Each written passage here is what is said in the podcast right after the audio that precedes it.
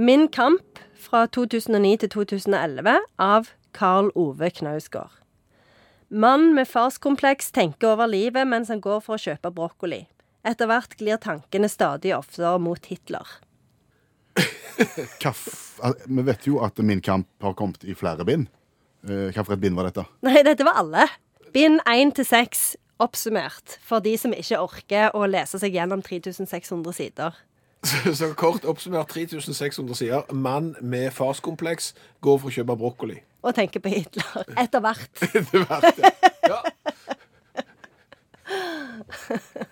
Så dette er min gave til menneskene som ikke orker å lese Knausgård, selv om det anbefales. Hvis vi skulle gått bitte litt lenger og sagt bitte litt mer Ja, det handler jo om alt, egentlig. Altså, det handler jo om å være mann i Skandinavia i dag. Det handler om å være menneske. Det handler om å ha foreldre. Det handler om å ha barn. Det handler om å liksom finne ut hvem en sjøl er. Det er jo en dannelsesroman òg, som begynner med barndommen og går fram til der Knausgård er i dag. Og det er jo òg eh, den som, romanen som kanskje mest av alt satte i gang denne her virkelighetslitteraturbølga som, som på en måte en har snakket om de siste ti årene. Så, så dette, dette er jo en eh, virkelig moderne klassiker av beste merke. Men jeg tenker at hvis jeg skulle skrevet en eh, roman om meg sjøl, eh, så skulle jeg komme på ganske mye kjekkere ting enn å kjøpe brokkoli, som jeg har gjort opp gjennom livet. Eh, Grunnen til at jeg nevnte det med brokkoli, da Jeg tror det er fra toen. Jeg tror det er i toen han kjøper brokkoli. det er ikke én. Men det er at jeg syns at det var så utrolig fint å lese eh, Knausgård sine beskrivelser av småbarnslivet. Jeg syns nesten det er ingen som har klart å beskrive det å være i fødselspermisjon så godt som han, faktisk. Eh, kanskje med unntak av meg sjøl.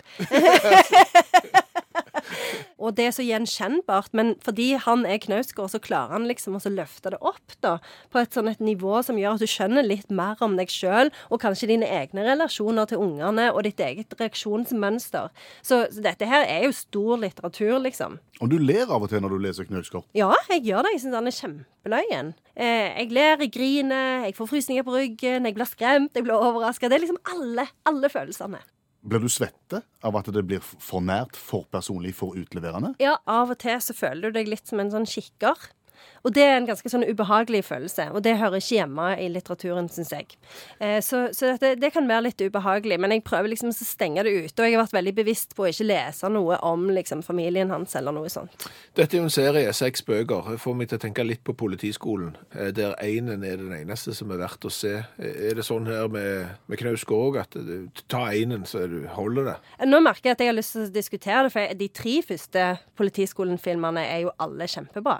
Jeg syns jo Som- at toen er best. Ja, toen er jo veldig bra. Ja, for der kommer han sånn Ja, ja, ja, Han den er jo han er ja, med i einen, Nei, den er jo kjempemorsom. Nå jeg Han, ja. Ja, den er bra. ja. Det er toen. Ja, nå må jeg moderere. Ja, ja. Eh, så, Holder du å lese de to første av Knausgård? Nei, nei, det syns jeg ikke. Én handler jo mye om det sorgarbeidet etter faren er død. Toen handler mye om fødselspermisjon. Eh, treen handler og mye om. Og brokkoli. Eh, trien handler mye om, om, om barndom. Så dette, alle har jo liksom hvert sitt tema. Og det er jo Jeg syns litt mye Hitler i sexen. Altså, det ble litt sånn Hvorfor, Ble litt- hvorfor ble Hitler blanda inn? Nei, det er liksom Ikke så godt å si. Men, eh, men, men eh, jeg syns at den er litt, den er litt treig. Den er den treigeste. Men jeg liker, liker den òg. Sexspinn. Vil du finne ett sitat som du har lyst til Ja, å dele med ja, oss? det vil jeg. Jeg har funnet et veldig sitat, fint sitat om døden som jeg tenkte vi kunne ta opp. Døden gjør livet meningsløst fordi alt vi noensinne har strevd for, opphører med den. Og den gjør livet, livet meningsfullt fordi dens nærvær gjør det lille vi har av det, umistelig. Hvert øyeblikk kostbart.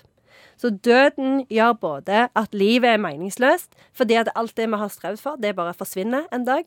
Men det gjør òg at livet blir totalt meningsfullt, fordi hvert eneste minutt er kostbart. Og det er jo på en måte det min kamp òg forteller oss, da. Sånn skriver en forfatter av klassikere. Mm. Vil du oppsummere Min kamp av Knausgård 1 til 6? Brokkoli. Tusen takk, Bjørn Olav Skjæveland. Jeg fikk sånne assosiasjoner til en sånn barnebok, sånn eh, brokkoli, farfar og Hitler. Tusen takk, Janne Stigen Drangsvold, forfatter og litteraturviter.